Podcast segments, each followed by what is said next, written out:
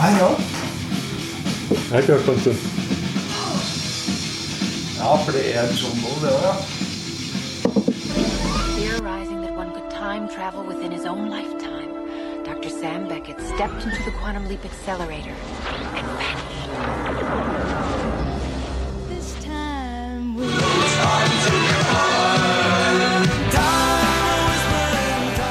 Hei og velkommen til Radio Tidsmaskin. Akkurat nå så er det bare jeg som sitter her på eh, kontoret mitt eh, og klipper sammen radio for meg sjøl. For som du kanskje hørte hvis du hørte på forrige ukes sending med Jonas Skibakmoen, så ble den såpass mye lenger eh, enn vi hadde planlagt at vi rett og slett delte den i to. Så eh, straks så eh, får du høre meg i samtale med eh, Lars Skagberg og Jonas Skybakmoen om eh, Jonas sin eh, karriere. Og vi hopper inn i handlinga i ca. 2007, på slutten av eh, John Does første karriere. Hei, vi er Radio Tidsmaskin.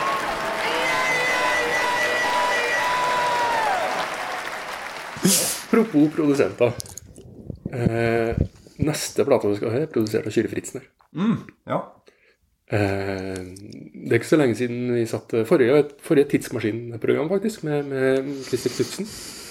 Så eh, satt jo han og skrøt vanvittig av Fritzen og hans arbeid på den eh, plata. Som jeg Før du kom i dag, så sjekka jeg hva den het, for å si det igjen, men nå har jeg glemt det. Men uh, hør på sendinga med Chris Knutsen, den er dritbra. Det snakker vi og spiller låter fra den plata. ja. Men ja, hun eh, Og jeg må si Dødvinkel Utrolig bra produsert plate. Den ble, den ble skikkelig bra. Jeg er fornøyd uh, I den grad jeg, jeg greier å være fornøyd med noe vi har gjort, så er jeg ganske fornøyd med den. Um, vi kom i kontakt med Kyrre Fritzner gjennom Sony Music, som uh, da ga ut de to første platene våre, Ja takk og Pyromantikk. Og så mente de at Kyrre Fritzner var riktig produsent for en plate nummer tre. Og vi var skeptiske til det, fordi han hadde produsert neste sommer med Dillos. Og så eh, Det var jo en sånn kom, konstant eh, sånn dragkamp og litt kniving med Sony Music, selvfølgelig, om hva slags band de skulle være. Eh, og så kan det hende at en del av den dragkampen var helt sånn imaginær, at vi bare opplevde sånn at det kanskje ikke var det. Jeg, jeg vet ikke. Men eh, de, de ga jo oss penger for å gå i studio og sånn, så vi måtte jo høre litt på hva de sa også. Eh, så han var oppe i Trondheim. Jeg husker vi øvde nede på havna. Han var der. Var med og, og liksom jamma med oss, mer eller mindre, med gitar. da. Og det var også helt nytt for oss at vi skulle, at vi skulle liksom jamme fram noe. Det var, hørtes veldig sånn hippie-ish ut. Sånn, sånn hadde vi aldri uh, laga låter. Vi hadde laga kontante riff. Så hadde vi laga fire ulike deler, og så har vi satt det sammen til låt. Sånn tung, tung, tung. Og så kom han, og han hadde jo helt andre liksom, ideer og Ja. eh, Så han har- et veldig popøre, da. Så han likte jo pop, eh, popmusikk. Og det gjorde jo vi òg. Så, så det, ble, det ble jo en slags match. Dro vi til Fredrikstad og bodde der eh, halvannen måned, tror jeg. I studioet hans. Um, og spilte inn av Døvinkel til slutt. Men den, men den var også ei plate som var sykt mye jobba med på forhånd. da. Tekstene har jeg jo nevnt. Jobba veldig mye med det. Og også låtskisser og demo og alt mulig. Frem og tilbake i sikkert et år. Og i studio der så Ja, det var, det var, det var gøy, det. Det var, det var liksom Vi var jo fortsatt sånn Ville at det skulle være sint eh, og hard musikk ofte. Og han var li, litt mer sånn slacker-type. Han har litt, litt lengre hår. Sa, kunne si sånne ting som at eh, det, det er det er så lite hasj på den plata her, liksom. Det er, det er veldig mye speed, men det er, in, det er ikke en låt som, har, som er hasj, liksom. Så hva Kan ikke vi bare prøve å lage det? Så, jeg, ah, ok. så, så de liksom dro oss på en måte i andre retninger. Så det var veldig interessant. Men når den, når den kom ut altså, Det er jo morsomt det du sier med Fritzen, altså popprodusenten par Ja. excellence. Han har lagd mange fine er Number Seven Daily sin Faulkner Street, som også er en av mine absolutt favoritt norske popplater. Eh, eller produsert, da. Mange som har vært med å lage dem. Og så kommer plata ut, og så er det jo eh, definitivt den, den mørkeste og vanskeligste og minst poppete av de tre første platene. Ja. Ja det, Hva, hva var det som skjedde Nei, det var, den veien? det, var jo sånn i, i, i liksom tankestoffet, så er det jo det mest dystre vi noen gang har laga. og det, det er jo min feil, fordi uh, vi, der hadde vi Vi hadde turnert i fem år. Uh, vi var Jeg var i hvert fall veldig sliten. Jeg tror de fleste andre var det òg. Jobba sykt hardt og sittet i en eh, sliten bandbil.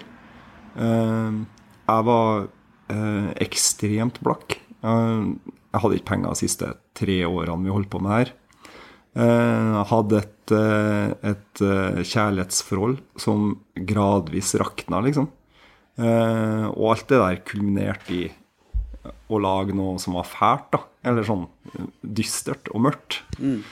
Men så syns vi jo også det var interessant eh, med den eh, eh, miksen mellom dystre tekster og, og flotte harmonier og sånn. Jeg synes Den dualiteten her, som f.eks. Jokke var veldig god på. Å Sitte på en bombe, f.eks. Som en glad, sang, men som er utrolig trist, egentlig. Så vi ble, ble ganske interessert i det, da. Så vi ville prøve å få til det.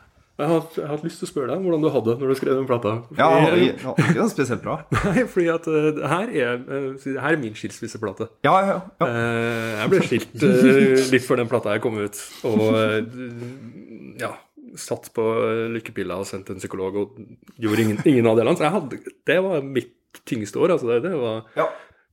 Jeg ble forvirra når jeg så at den kom ut i 2006, for at da, da innså jeg at jeg var et år Jeg hadde nesten helt jeg hadde trøbbel med å huske, da. Ja. For at det, det, var, Ja. det var crap. ja. Uh, Men den plata der kom, og det tekstuniverset, det uh, identifiserte jeg meg så sterkt med. Det snakka så sterkt til meg da. Så den her hørte jeg på konstant, og så høyt at naboen under meg hengte opp en lapp om at du ikke hørte TV-en sin. Og den naboen var på det tidspunktet samboer med Kenneth Kapstad. Så det var ikke helt fremmed musikk, tror jeg. Så liksom en sånn lapp i oppdraget at John var bra, altså, men det var ålreit. Og da, det var en, en, da spilte jeg med en sølvsuper med tannberghøyttalere også, liksom. Jeg husker bare at jeg klarte ikke å skru den av. Du må spille den høyere og høyere. og høyere. Så den eh, Ja, den er fortsatt en sånn Men det er jo sterkt knytta Jeg har kjøpt den i julegave til alle jeg kjente. Ja, ja, det, ja, det var veldig hyggelig å høre. Og trist å høre også. Så, så jeg hadde rett, da. Det var egentlig Ja, det er jo at vi var på et litt tilsvarende sted. Ja. Andre plata jeg hørte på mye, også, var, det var den 29 til Ryan Adams. Ja, som har liksom linja 27 years and nothing but failures. Ja, jeg vet. var 27, og du har den der liksom, hva, hva skjer om nye 25? Det var den 25-års midtlivskrisen som vi alle sammen holdt på med. ja det, det var det faktisk. Jeg jeg jeg òg husker den Ryan Adams-plata fra, fra den tida der. Let It, Let It Ride? det? Den ga ut tre plater. Ja. året, vet du. Ja. Let It Ride, akkurat den er fra Let It Ride, ja. Ja. Som er fra den som heter Cold Roses, tror jeg. Ja. Men det var jo 27 years of nothing but failures and promises I couldn't keep. Ja. Oh lord. Åh, det er mørkt. Det er mørkt. Uh, vi skal straks høre eh, Dødvinkel fra Dødvinkel. Altså, jeg kunne ha spilt alle låtene fra plata, for jeg er trolig glad i den, men det er noe med den. Men, eh, men den kom ikke ut på Sony. Nei, fordi vi ble Etter at Nei, eh, etter at uh, Kyrre Fritzen har vært eh, hos oss, og så skulle vi gjøre en deal, og så ble Sony Jeg tror Sony ble oppkjøpt av BMG Group akkurat det året.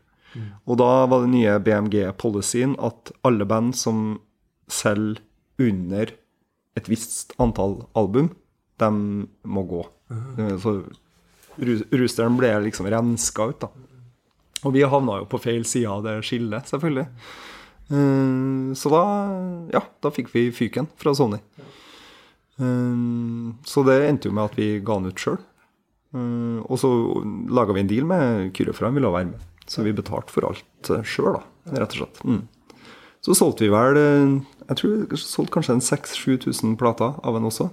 Og det var ganske bra å selge så mye CD-er i, i 2006, egentlig. For da var det egentlig det markedet over. Så Ja, vi fikk med Sonett på distro. Stemmer det. Mm, ja. Så det var, ja, det var mye som skjedde da. Og da var det Ja, og rett etter plata kom ut, og vi turnerte litt igjen, så, så slapp jeg alt jeg hadde i hendene og flytta til Oslo. Og begynte et nytt liv. Hei, nå hører du på en versjon av denne sendinga hvor vi har eh, tatt ut musikken av rettighetshensyn. Om du har lyst til å ha eh, musikk i musikkradioen din, så finner du hele sendinga med låtene i på radiotidsmaskin.no.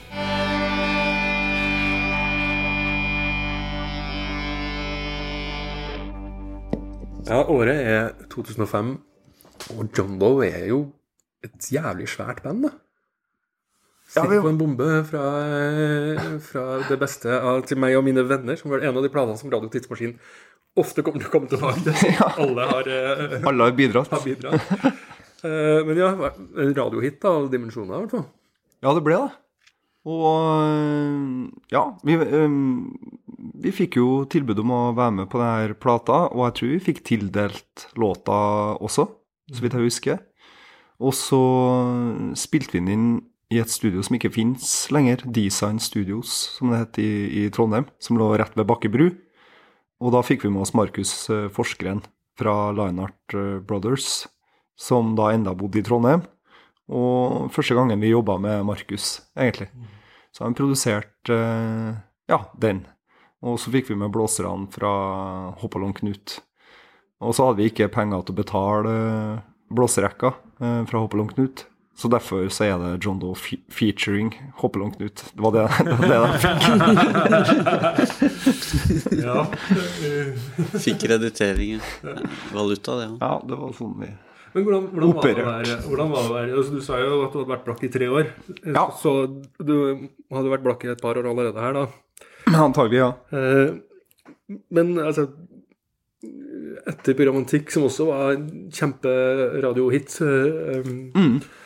Eh, og, og som igjen var ganske kjapp tid etter Ja takk til trøbbel. Dere spilte en million konserter. Mm. Eh, var det minus penger, var det rockestjerne? Følte dere at dere hadde klart det? Um, det Nei, det, det har jeg vel egentlig aldri tenkt. Um, altså, vi spilte jo um, Det var jo på mange måter var det et ekstremt kult og lett liv. Fordi eh, når vi dro ut på turné, som vi, vi var på hele tida, så, så hadde vi en plass å sove, og så hadde vi mat hver dag, og så hadde vi masse øl, og så spilte vi rock'n'roll hver kveld. Og det var jo helt, eh, helt rått. Og så fikk vi jo ikke Vi fikk ikke enorme hyrer, men de honorarene gikk jo gradvis oppover også. Men det som skjedde, var vel egentlig at vi Vi, vi spilte jo så mye på hver eneste krik og krok i hele Norge. Altså på sjøboden i Sandnessjøen en søndag kveld, liksom. Det er en av konsertene vi gjorde. Og da var det videre til Nesna neste dag, spilte der en mandag. Eller helt sånn rare altså, Vi var overalt, altså. Og, og det kom greit med folk overalt òg, men eh, det var jo ikke Det var ikke sånn stadionturné, akkurat. Så det var akkurat nok til at det på en måte gikk rundt, og at vi kunne ta ut litt eh, honorar. Eh, arbeidsgodtgjørelse. og så så kom vi hjem, og så hadde vi jo sånn lange avbrekk da, der man skal ja, lage en ny plate. Da, da stoppa jo pengene å komme, da, for da hadde vi jo vært på turné. Så mm, det var da det ble kjedelig. Eller da det ble liksom vanskelig. Ikke, ikke når vi holdt på, da var det jo fett. Så mm, da ble man jo Jeg ble i hvert fall DJ på Blest. Spilte jo Var jo DJ plutselig. Uh, og drakk opp honoraret hver eneste kveld. så, så ja. På, på et eller annet tidspunkt så begynner man å tenke, når man begynner å nærme seg liksom 30, at eh, sånn, ja, kanskje man skulle ha Eller det her går ut så mye lenger. Antageligvis ikke, liksom. På den måten her. Så var, det var vel det vi begynte å tenke, alle sammen. Og da begynte du å studere journalistikk? Ja. Ja. Så eh, jeg husker veldig godt da jeg dro til Og da var jeg i, i min mest sånn her eh, da, da, hadde jeg, da hadde jeg vært turnerende musiker i fem år, da. Og kom til Oslo. eh, og husker det var sånn immatrikuleringsdag på høyskolen. Eh, og husker jeg hadde sånn svart duffelcoat, svarte trange jeans og boots. Svarte boots. og så kom der, og så sto på immatrikuleringa, og så bare nesten begynte å grine. At det sånn Hva faen gjør jeg her, liksom? Hva er dette her? Hvorfor er jeg her? Og så var det et eh, Jeg tror det var Susanne Sundfør faktisk som spilte på immatrikuleringa. Hun hadde gitt ut sin første plate. Hvorfor når, er- når jeg Get In, liksom? Eller sånn, når, når rigger jeg meg opp? Eller så, hvor skal jeg nå? Kan jeg få være med dem? Liksom? Eller, alt det, det jeg liksom kjent fra de siste fem årene, var jo bort på et knips, egentlig. Så det var, det var en jævla brå overgang, det. Men det gikk jo bra etter hvert. Men hvorfor, hvorfor ble det journalistikk, da? Jeg tenker, det- for, når man, så for meg så har jo alltid mye av, av, av John Doe handla om tekst. Og, Ja. og, og det at det er tekster som igjen da, Særlig på dødvinkel så begynner jo det å, å bli For det er en plate som, som handler om sted altså Litt som jeg om, som preger de tre siste. Så, så begynner det å komme inn der. Ikke sant? At det er mye fine sånne ordkombinasjoner, men det er også konkrete steder. Det handler om Trondheim, og det er bunkerser og gjørma. og Det er kanskje ikke sånn eksplisitt skip i senteret, men Ja, men skip inn er Men er er der. ja, nei, jeg har alltid vært eh, glad i å skrive. Det er jo derfor eh, jeg har syntes det har vært interessant å skrive eh, tekster på norsk også. Altså, jeg synes det har vært eh, ja, det har vært veldig viktig at eh, tekstene skal være bra. Eller er greit å, greit å skille det fra, fra musikken, liksom, i, i, i en bra låt. Og det er fortsatt heller ikke altså de låtene jeg liker. en- Det er en blanding av at jeg liker teksten og melodien, på en måte. Um, så jeg har alltid vært interessert i det. Og så ja, så var jeg, begynte jeg jo på NTNU på Dragvoll. Eh, studerte litt statsvitenskap. Eh, og så ble jeg med Under dusken som kulturjournalist. Eh, og så fikk John Doe platekontrakt, så da slutta jeg med alt det. Ja, jeg prøvde å, jeg prøvde å um, skrive et mm, gjøre et mellomfag i statsvitenskap mens jeg var på John Doe-turné første, første måneden. Og så skjønte jeg at det her går ut. Det går ut. Det var ikke noe artig. Det var faen meg kom, kom plutselig på eh, Brian May, som var liksom to uker unna å gjøre ferdig doktoravhandlingen sin. Når Queen tok av. Jeg var, jeg var ikke helt der, altså. hvordan, var det, hvordan var stemningen i, i resten av bandet? For at nå er jo, altså, Stian er jo heltidsmusiker, men vil si musiker og musikerlærer. Og så er det jo noen gårdbrukere og eh, Øystein husker jeg ikke hva jeg jobber med, men han har også en voksen jobb etter hvert. Ja. Øystein jobber i fylkeskommunen. Han er jo kultursjef i Trøndelag, rett og slett. Var, de alle, var alle på, på samme sted? At nå må vi tilbake til studiene og tilbake til gården, eller eh, sånne Ja. ting da? eller? Ja, eh, egentlig. Um, og så var det sånn, Stian ble jo far ganske tidlig, så han, han ble vel far i 2006.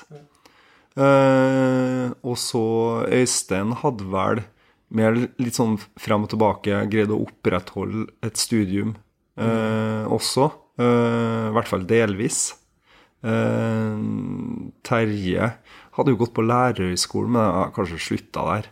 Eh, men det lå i kortet at, han- at han skulle ta over gården en eller annen gang, liksom. Eh, så jeg tror vi alle liksom ja, kom til at nå var det kanskje Nå, nå må det skje et eller annet. Så jeg tror det var ganske sånn omforent eh, likevel. Uten, at- uten at vi egentlig prata om det. Det var jo det var også flaut å slutte med det, på en måte. Fordi eh, også innad i bandet var det jo flaut å slutte, fordi vi, vi hadde jo bygd opp en sånn intern kultur som handla om å eh, spille mest mulig hele tida. Og det var forbudt å si nei til øving, det var forbudt å si nei til konserttilbud. Vi gjorde alt, liksom. Det, var, det var hele vitsen. Så det ble bare at vi kanskje ikke snakka så mye om det, og så bare seig det rolig ut, liksom. Så det var ikke, det det De følte seg ikke dolka i ryggen når du flytta til Oslo, med lettelser? Ja, jeg, jeg, altså, jeg tror kanskje at det var lettelse, men det må, det må du jo spørre spør dem om. Det er jo sånn, sånne ting på den tida der er på en måte Det er jo en litt sånn strukturell greie også. Man slipper liksom å ta den derre det er, ikke, det er ikke bare oss, det er på en måte alt er selges ikke plate lenger, altså sånn Eller Nei, mye mindre av det. Så da blir det kanskje litt sånn lettere og Selv om det sikkert var tungt nok, altså. Men jeg tenker sånn at det, det kan på en måte forklares litt med litt sånn større, Ja, større linjer. Det var, ja, det var jo flere ting som skjedde samtidig der. Og så tror jeg kanskje altså, sånn klubbøkonomien til klubbarrangører, f.eks. Uh, det var eh, ikke sant, Hele grunnen til at vi kunne spille i Sandnessjøen, var at det fantes en rockeklubb i Sandnessjøen som syntes var interessant å booke. Eh, men at det også var liksom solid på vei ned, da. Over hele landet. Men dere missa liksom festivaloppturen, da. Ja, vi mista den villeste festivaloppturen. Vi gjorde det. Eh, selv om vi var jo Altså, vi fikk jo med oss Storås og alt som skjedde i Trondheim, selvfølgelig. Eh, og Øya spilte vi jo to år, men eh, Men kanskje det Ja. eh, Fra der det begynte å bli festival på hver eneste lille knaus i landet, det, det missa vi. Fra, fra Pyromantikk. Um, deler av redaksjonen hadde veldig lyst til å skulle spille Pyromantikk. En fantastisk låt. eh, Gitt meg minst én fartsbot. Um, men jeg, jeg plukka hvit voodoo likevel. for Jeg syns kanskje at det er Når vi snakker om det ordkløveri-greier, så syns jeg kanskje at det er noe av det ypperste i din karriere som eh, flink med ord.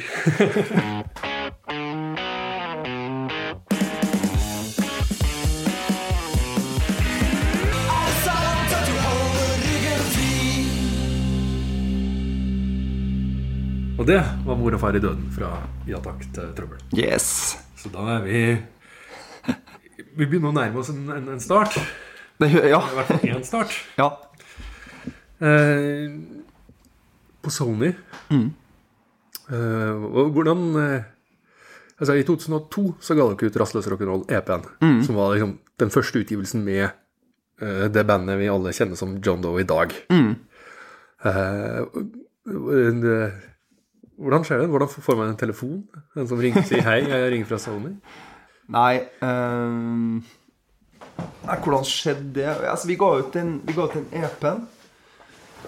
Og øh, så tror jeg at den EP-en Først så ble den anmeldt i VG. Plutselig fikk vi terningkast fem i VG. Uh, og vi fikk terningkast fem i Adressa. Og det, det kom egentlig som et sjokk på oss, at de i hele tatt gidda å anmelde. eh, Og at Hæ, de har aldri Den, den EP-en kom ut på Dead Letter Records, Stemmer. som er plateselskapet til Thomas Rygaard, som vi har Ikke sant. nevnt da, Ja. før i dag. Ikke sant. I, i går. Forrige uke var det. Det var Ja, ikke sant? Forrige uke var det. Han, eh, han ga ut det, ja, på Dead Letter. Og ja, det, det ble litt oppmerksomhet rundt den EP-en, og vi drev og spilte ganske mye konserter i Trondheim. Jeg tror vi hadde releasefesten for den EP-en på Kafé Larsen, når det fortsatt lå i Thomas Angels gate, var det vel?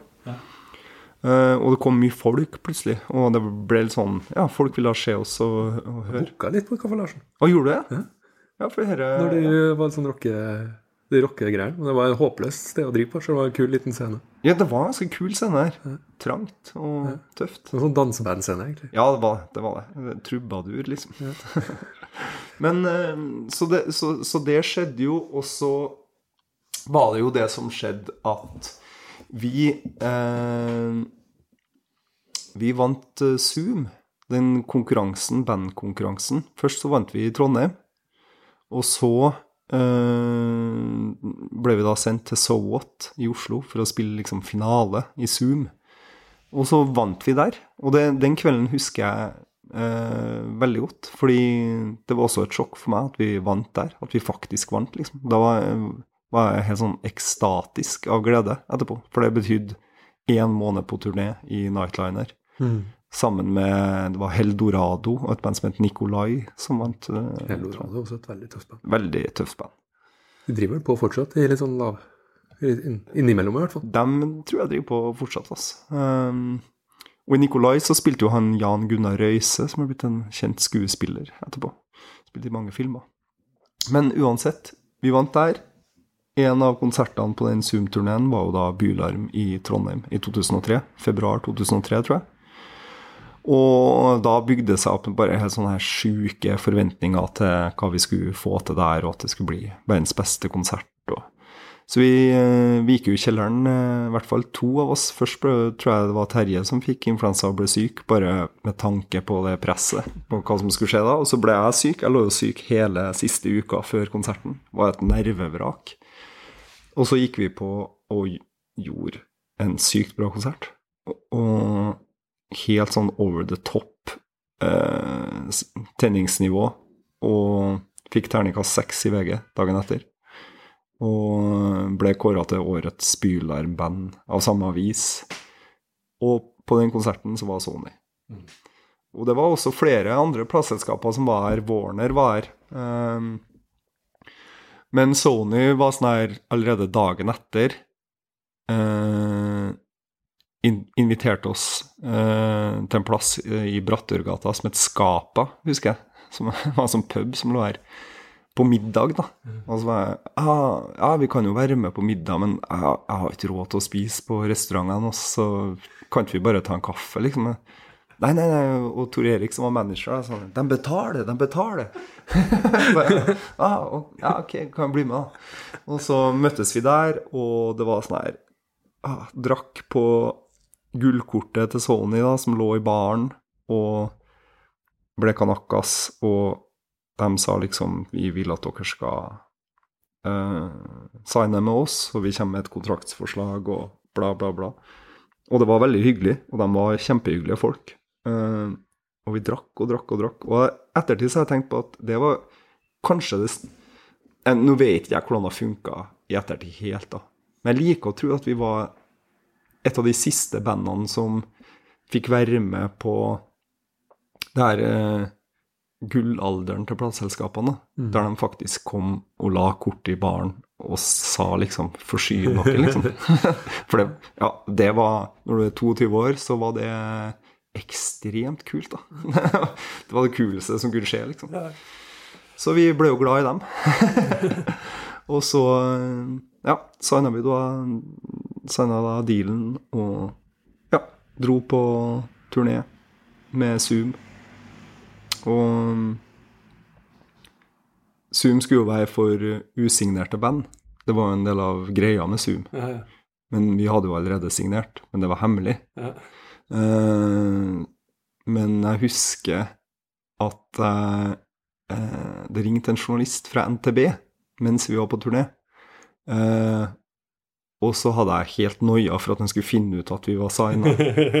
Så det jeg sa til han, hvis det gjelder Det første jeg sa, han skulle spørre om noe, så sa jeg ja, hvis det gjelder noe med Sony, så må du ringe dem. Og sånn sa «Eh, Sony? Hva med det? nei eh, Nei, nå må du svare, liksom. Hva med Sony? Nei, vi har signert en platekontrakt med dem. Wow, nei, for jeg ringte bare med en sånn her fem på gaten om festival for sommeren, liksom. Eller fem artister om festival. så jeg, å ja, ok. så vi ja, vi syntes jo det var jævlig svært. Da. Og så måtte vi si det i bussen, husker jeg, på Zoom-turneen. Altså, ja, nei, vi har shina med sånn. Men vi fikk være med på turneen fortsatt, da, så det var fett. ja. Ja. Um, ja, men um, så gikk dere i studio og spilte inn Jakt etter trøbbel. Ja, ja takk er trøbbel. Hvordan var det? Ja, vi, vi ble vel tidlig klart der at vi skulle gjøre en plate sammen med han uh, Yngve Sætre, Uh, som hadde eh, produsert masse norsk rock, også, og DumDum blant annet. Eh, han hadde et studio i Bergen, Uh, og at vi skulle dit allerede om sommeren da, for å spille inn plata. Og vi hadde jo laga masse låter, så vi hadde egentlig Det meste var klart. Uh, tidlig, liksom. Så dit kunne vi dra, og der bodde vi i en utrolig sliten leilighet på Nøstet i Bergen. Som jeg tror vi lånte delvis av en som het Torfinn, som drev et plateselskap som het Rec 90, som ga ut på Rich Ones og de tingene der. Det går veldig fint. Ja, veldig, Berlin, veldig mye bra. Mm, veldig mye bra. Så der bodde vi, eh, alle sammen, i samme leilighet, og sov i hvert vårt hjørne på madrasser og spist gryterett til middag i måneds tid. Og så Så, så mye plateselskap glem var det ikke igjen. Men litt. litt. det var, altså, Plateselskap Glammen var jo over allerede da. Eh, med en gang, basically. Men, men vi syntes jo det var glam i seg sjøl at vi kunne bo i en leilighet en måned og bare holde på med det her, da. Og vi fikk jo et forskudd fra Sony, som jeg tror var 100 000. Og det var bare helt sjukt mye penger. Og det, men vi brukte opp i hvert fall 50 av dem, tror jeg, på å kjøpe eh, vår eh, neste bandbil. da. Vi bytta til den Hiacen vi hadde, med en Volkswagen. Så, så vi, pengene forsvant jo med en gang, selvfølgelig. Så, og Sony kom jo et par runder til Bergen også. Tok oss med på garasje og tok oss med på middag og skjenka oss full. Og så var i studio og sa at det var helt sjukt fett, og det ble så bra. Og så syns vi jo det sjøl, da. Det var en bra sommer, liksom. Så ja. Spilte vi også på Kvartfestivalen den sommeren. Vi skulle drive og pendla fra Bergen da, til, og, og til Kristiansand for å, for å spille der. Så ja, det var en sommer det skjedde ganske mye, altså. Mm. Men det var 100% morsomt og bra. Og, ja. Vi snakka ikke noe, vi hoppa over å snakke om innspillinga av Pyromantikk, og, der var det jo eh, tilbake og jobba med de, de Randy-folkene vi Ja. snakka om i forrige uke. Ja. Eh, Da var det Pelle Gunnefelt som eh, var Hives-produsenten, og som hadde gjort eh, den Veni Vidi Vicious-skiva til Hives, som, eh, som, er, som vi var ekstremt opptatt av. Men hadde du Når rakk du å skrive de låtene som kom på Pyromantikk, da? Sånn- Nei, jeg, jeg, nei, jeg vet ikke helt. Men det skjedde jo, det skjedde jo i 2003, det òg. Ja. Og 2000, første par månedene av 2004. da. Og turnert og spilt 150 konserter samtidig i det tidsrommet der. Men ble jo bare Driven var jo bare at nå gikk det bra, liksom. Nå var det bare å peise på. Og um, Ja. Um, vi, vi måtte bare Vi måtte bare makse ut. Så øh, det var jo bare det her vi drev med også, så man finner jo tid, liksom. Og så rett i studio med dem, ja, og det, det var også sykt artig. Og det var nesten artigere enn å spille inn Ja takk til trøbbel, fordi det var Ja, svensker de hadde sjukt bra smak, og brukt lang tid på å høre på masse sånn referanselåter. Uh, masse ting som vi syns ikke var noe bra, men som vi lærte oss å like når vi var her. og sånt. Så det var kult. Blant annet Lita Ford sin låt 'Kiss Me Deadly'. Eh, som de var ekstremt opptatt av. Det var liksom den beste låten de visste. Da. Og en del eh, En del eh, Van Halen, men, men også David Lee Roth sine soloplater. Den Skyscraper-soloskiva. Som, er- som er, som er hårete musikk, men som, som har mye bra ved seg. Just Like Living in Paradise, tror jeg, med, med noe koring med sju vokalstemmer. Og så prøvde vi å kopiere det og gjøre det samme med John Doe-musikken. Så ja, det var, det var mye Fikk brynt oss på veldig mye der, altså. Mm. Det, var, det, var, det var en god sommer i, i Stockholm. Det var veldig varmt og bada veldig mye. Og drakk mye øl på krogen og spiste pizza. Ehm, ja, vi får uh, gå til, til 2002. Og Rastløs rock'n'roll. Mm. Første utgivelsen med Terje Uv og Stian Lindberg. Ja, det var det. Mm, rett og slett. Vi, vi skal straks, vi skal straks men det, det artig å ta også den tittellåta, fordi at de begge to sier jo ganske høyt og tydelig fra at de er med. Ja. Akkurat den låta. Det er Ja, ja. mye det er litt, nesten litt sånn jazzete i at har, alle har sine partier Rett og slett. Alle spiller solo etter tur. Ja. på 1.36. Ja, eller ja, noe sånt, sånt. Ja. Ja, vi, får, vi, får, vi får høre det, så får vi ta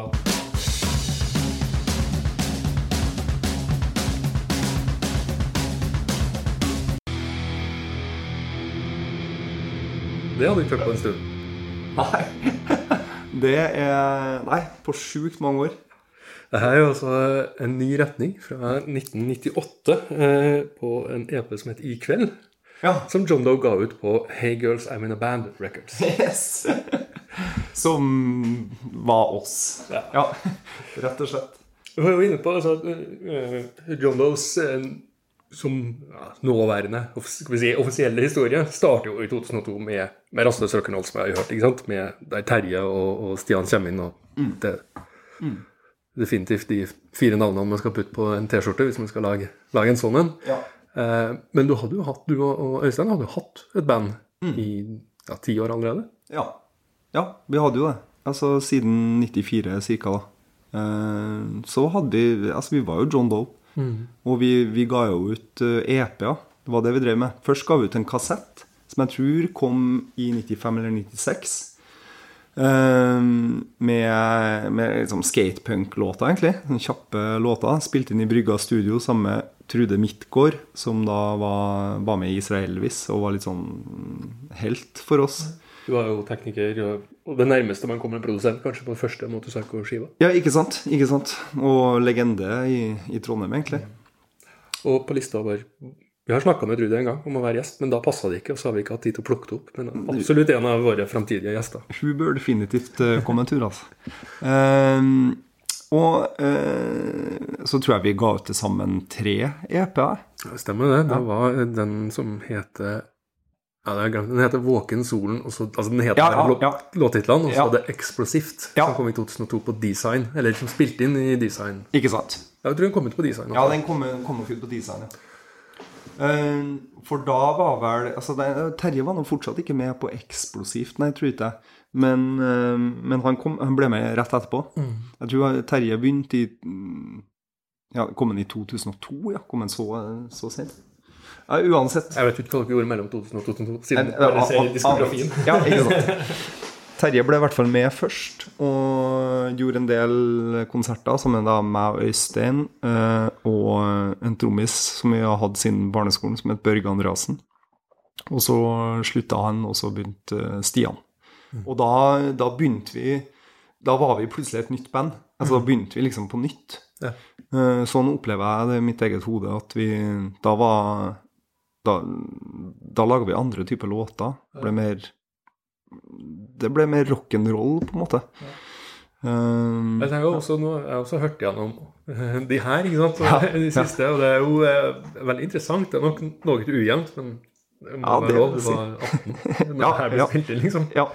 Um, men det er jo som du sier, altså det, det her, de tre første EP-ene det preger jo i mange retninger. Den her er jo Mm. ja, Du sa at Dia Salma Ja, ja. inspirert, og ja, litt sånn øh, Og veldig 90-talls, syns jeg. Ja. Altså, ja. en sånn øh, litt sånn metal-punk-aktig ja. lyd over det her, mens andre ting eh, går i helt andre retninger igjen. da. Ja, det, var, det, var, det er mye forskjellig på de tre EP-ene, og det er Ja, jeg tror sprikende liksom ordet, for vi visste jo ikke helt Vi ble dratt i litt alle retninger av oss sjøl. og så tror jeg sånn når det herren heter liksom en ny retning, så tror jeg vi var hø- Jeg hørte jo på teksten nå, og det var veldig sånn uh, New Noise. Refused. Altså, vi var veldig Det har har begynt å høre på det, ikke sant? min referanse var Obstfelder. Ja, ja. Det var veldig Obstfelgers Ja. over eh, tekstene også. Ja, det var det var også. Ja, ja. Det, det er det definitivt. Uh, med at vi begynte med ja, med litt sånn fremmedgjøringsgreier. Og det tror jeg ja, Refused var Den kommer i 98, den. Den, eh, den Shape of Punk du kom. Og den forandra jo liksom alt. Så eh, ja. Men hvordan opplevde du det når, eh, når Terje og, Stian kom på? Var det Terje som rekrutterte inn Stian også, tror jeg? Ja, det var det. Eh, for det var, det var Terje som kjente Stian, og jeg møtte Terje først når vi, vi treftes på Hustad leir, for vi var jo sivilarbeidere begge to. Um, og det var kanskje i 99. Og da Terje var jo en, altså en skolert gitarist. Han uh, hadde en sånn uh, trefarga Gibson ES, tror jeg, som han spilte jazz på. Uh, altså han var skikkelig flink, liksom. Uh, og likt, men jeg likte jo mye forskjellig musikk, og så, satt jo og hørte på musikk og sånn hele tida. Men han, var- han var også veldig mutt. Uh, det var sånn vanskelig å liksom komme inn på, husker jeg, for han, han driver og nerder for seg sjøl. Og, og, når vi hadde en fritime fra det vi hadde av undervisning på sivilarbeiderskolen, så, så var han borte og jamma til noe sammen med noen andre sånne jazz-nerds. Ja, han, var, han var ganske nerdete, ja, men samtidig så var, var han Jeg skjønte at han hadde et eller annet eh, som, jeg, som jeg gjerne ville liksom ha en del av, på en måte. Så vi ble jo på en måte kjent, og så begynte han å jobbe som sivilarbeider eh, sammen med Øystein, bassisten i Joddo. Det var sånn de møttes. Og så øh, skjønte vi at det her øh, kunne jo bli skikkelig bra, liksom. Nå har vi fått med oss en lead-gitarist, en som virkelig kan spille, ikke sant. Og det var kult. Og så skjønte vi også at vi måtte ha en ny trommis, for nå, her skal vi, nå skal vi virkelig satse, liksom. Så, så alt det her skjedde jo i løpet av noen, noen år. Og sikkert over mange øl på, i kjelleren på Trebø og sånn. Tirsdagsvin. Sikkert da vi kom på alt det her. ja.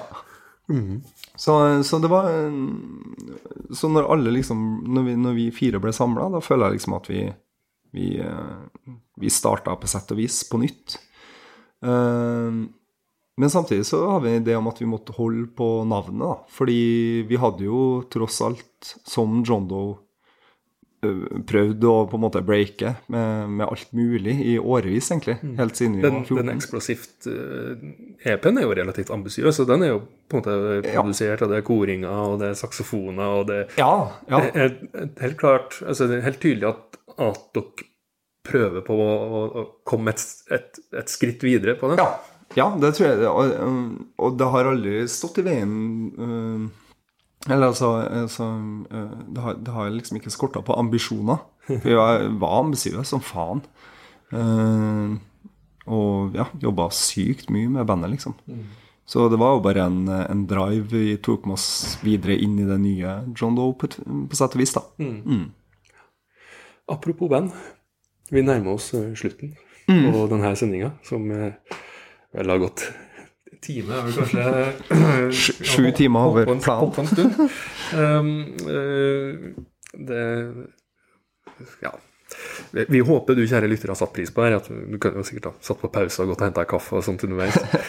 Um, men du skal jo få det andre spørsmålet som alle våre gjester får. Reis hvor som helst i tid og rom og sett sammen et band. Ja, jeg har jo tenkt på, på det her nå i løpet av den siste timen, og det syns jeg bare er helt sykt vanskelig. Uh, men jeg har tror jeg har kommet fram til noe eh, som jeg tror jeg, det, det har kommet til å blitt et rart band, ass. Men det er i hvert fall musikere og folk jeg ser opp til.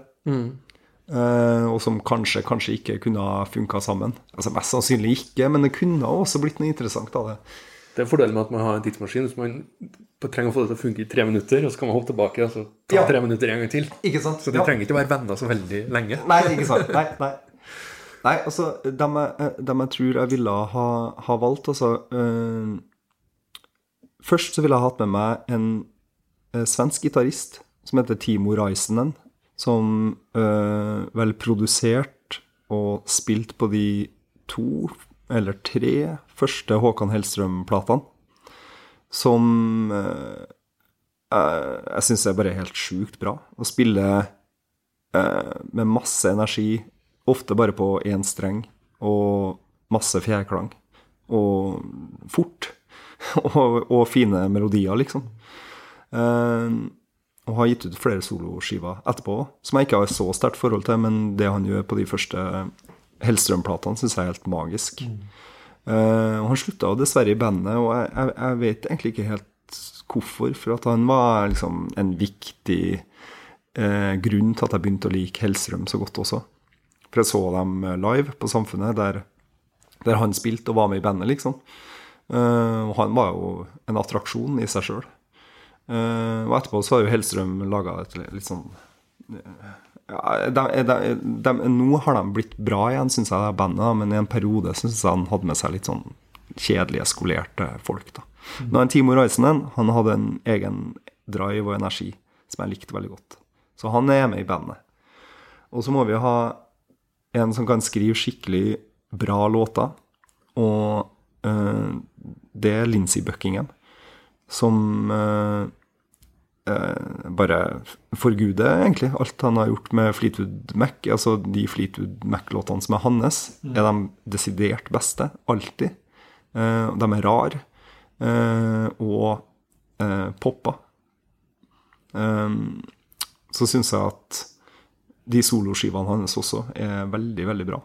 Eh, alt fra 80-tallstingene hans med 'Trouble' og fra den 'Go Insane'-skiva, som er vel eh, 81, tror jeg, til de tre siste platene som han åpenbart bare har spilt inn hjemme i hjemmestudioet sitt, som er av nyere, nyere tid. da.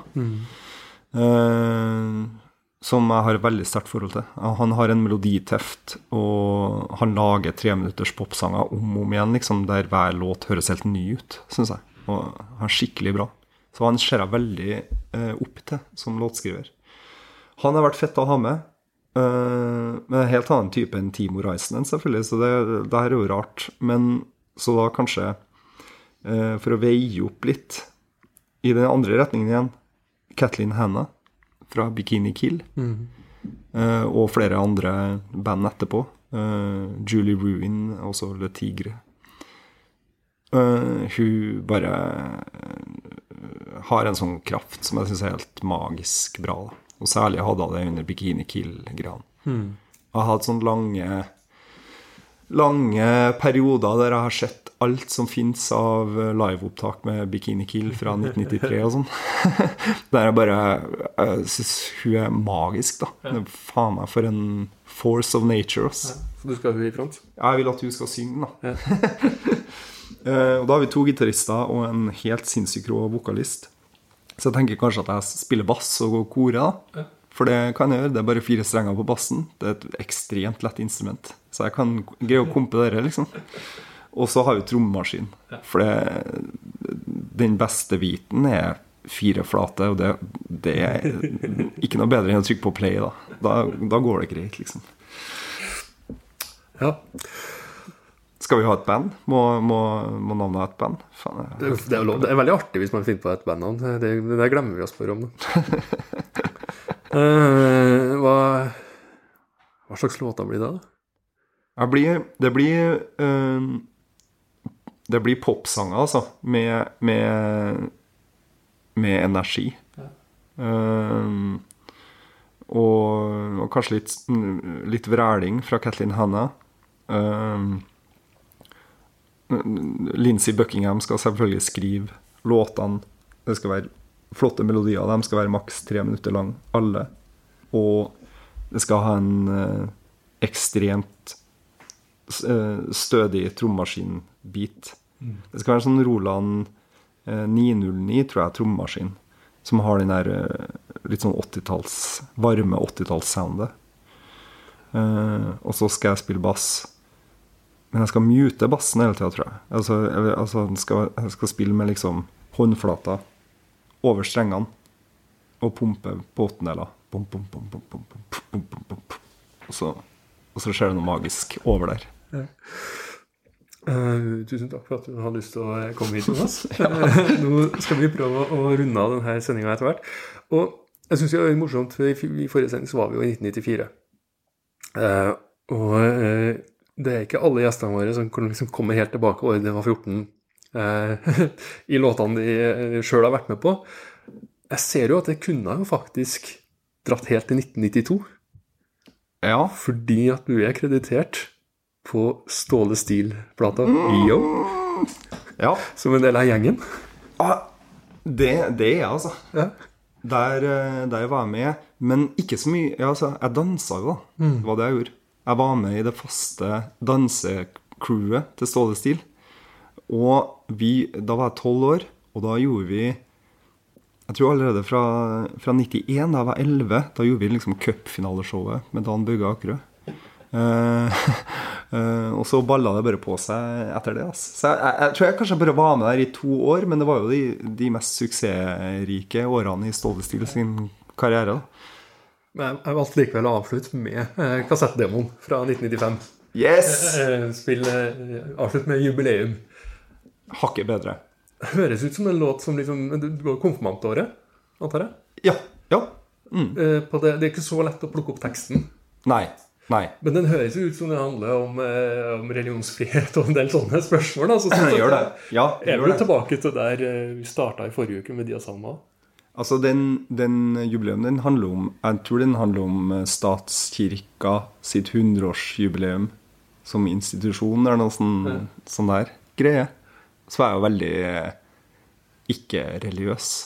Altså mye mer ikke-religiøs da enn jeg, enn jeg er nå. Jeg gikk med Bad Religion-T-skjorte på Nordre, liksom.